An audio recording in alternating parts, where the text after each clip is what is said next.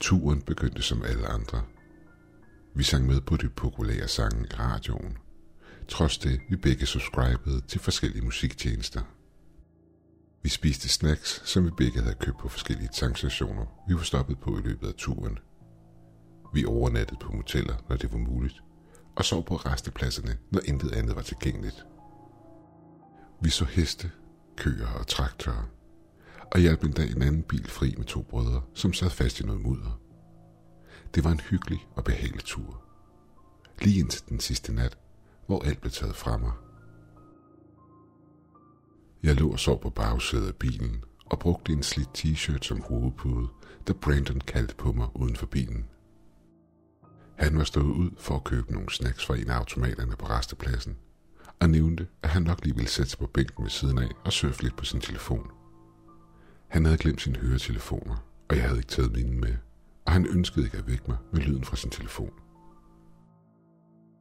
Jeg hørte hans stemme igennem min drømmeløse søvn, og vågnede ret hurtigt op og forlod bilen uden at låse den efter mig, da vores bil var den eneste på restepladsen. Guidet af det irriterende skarpe lys fra loftet i bygningen, hvor automaterne og bænkene stod, begav jeg mig over imod ham. Jeg ignorerede de forskellige pletter på gulvet. Nogle var utrolig mørke, men dog gamle. Jeg rundede hjørnet og gik ind i korridoren, hvor toiletterne og automaterne stod. Bag dem lå resten af restepladsens område, hvor der lå små øde områder med bænke og grillpladser, der dog var dækket af mørket fra den månedløse nat. Jeg råbte efter Brandon, men stoppede forskrækket op, da det gik op for mig, hvor høj min stemme var i den lille korridor. Jeg gik ud fra, at Brandon blot var gået på toilettet, efter han havde kaldt på mig. Så jeg satte mig ned på bænken foran automaterne. Jeg havde ikke været sulten tidligere, da jeg jo, well, sov. Men i det jeg sad foran dem, kunne jeg mærke trangen til en snack. Jeg trak en krøllet dollar op af lommen, glattede den ud og stak den ind i maskinen og valgte en pose med småkager. I det jeg bukkede mig ned for at samle posen med kager op fra det nederste rum i automaten, lagde jeg mærke til en refleksion under bænken bag mig. Der var noget usædvanligt familiært ved objektet. Noget jeg genkendte. Jeg glemte kortvej posen med kager og vendte mig om for at undersøge objektet nærmere. Jeg bukkede mig ned og rakte ind under bænken og trak tingen ud. Jeg stirrede ned på tingen i min hånd, imens min hjerne prøvede at bearbejde, hvad mine øjne så. Da jeg endelig havde accepteret informationerne, sprang min krop straks i et fuldt panisk anfald, der beordrede mit stemmebånd til at kalde på min bror, i et stemmeleje, der næsten ikke kunne høres. Jeg sprang op fra gulvet og skreg min brors navn, uden at bekymre mig om, hvor højt det lød, i det min stemme ekkoede tilbage til mig fra korridorens plettede vægge. Uden at tøve et øjeblik, løb jeg ind på mændenes toilet og sparkede hver en dør op til båsene, men fandt dem alle sammen tomme. Jeg løb ud fra mændenes toilet og ind på kvindernes, men mødte samme resultat. Jeg vendte tilbage til korridoren og skreg min brors navn om og om igen, men fik intet svar andet end mit eget ekko. Hysterisk og stadig klammerne til objektet, jeg havde fundet under bænken, løb jeg ud til bilen, der stadig var den eneste på restepladsen, og åbnede døren i førersiden. Jeg kastede slikpapir og tøj væk fra siden og trak en lommelygte frem fra en taske. Jeg råbte på ham igen, i håb om, at han måske var kommet om på den her side af bygningen, inden jeg gik tilbage til korridoren og ledte efter ham igen på toiletterne. Inden jeg igen febrilsk løb ud i området omkring bænkene. Jeg lyste rundt i området og skar igennem skyggerne med den kraftige lysstråle. Først i en sporadisk søgen, men derefter mere metodisk, hvilket resulterede i, at jeg ikke fandt andet end rusten metal og betonklodser. Centimeter for centimeter søgte jeg igennem området. Hver gang jeg hørte en lyd, kaldte jeg på Brandon, selv når jeg vidste, at lyden højst sandsynligt blot var fra et lille dyr. Jeg må have brugt 10-15 minutter på at lede stedet igennem. Der var ikke andet end en betonpavillon og et lille græsareal. I en mobil forventning, der indebar frygt, forventede jeg at finde min bror krummet sammen i et hjørne eller i et dybt hul. Tingen, jeg havde fundet under bænken. Objektet, jeg havde klamret mig til, imens jeg desperat havde lidt efter ham, var hans kæbe. hans blodige, afrevne kæbe, læber, tunge og tænder inkluderet.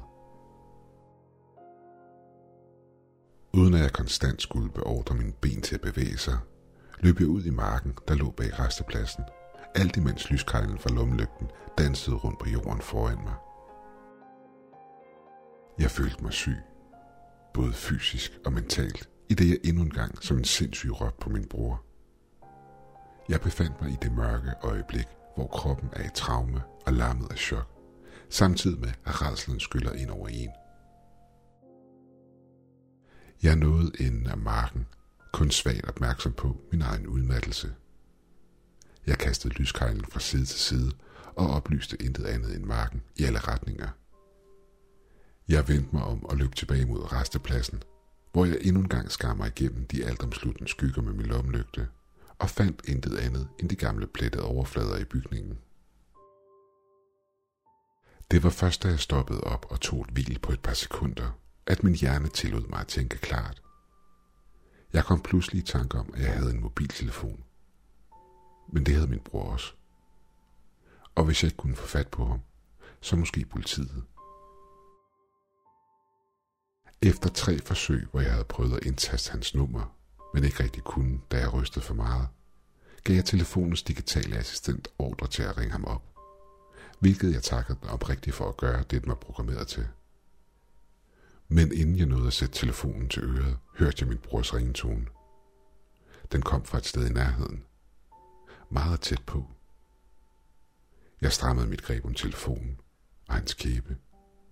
Rejste mig op fra bænken og gik langsomt imod lyden. Som jeg nævnte tidligere, så var der to automater. Tidligere havde jeg fået en masse at drikke, så jeg havde ikke skænket automaten med drikkevarer en eneste tanke. Min opmærksomhed har været rettet imod automaten med snacks, der var fyldt med kager, slik og andre former for snacks. Selv hvis der kun havde været en pose med kager tilbage i den, så tror jeg stadig ikke, jeg havde kigget i retning af den anden.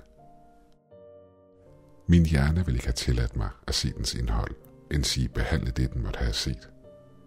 Faktisk, så havde den ikke behandlet informationerne fra udkanten af mit synsfelt, selvom jeg havde stået lige ved siden af den tidligere.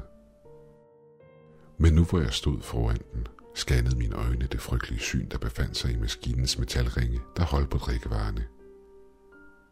Lidt ligesom med kæben, så tog det mig et par sekunder, før min hjerne accepterede, hvad det var, jeg så. Jeg så aldrig den fremmede bag mig.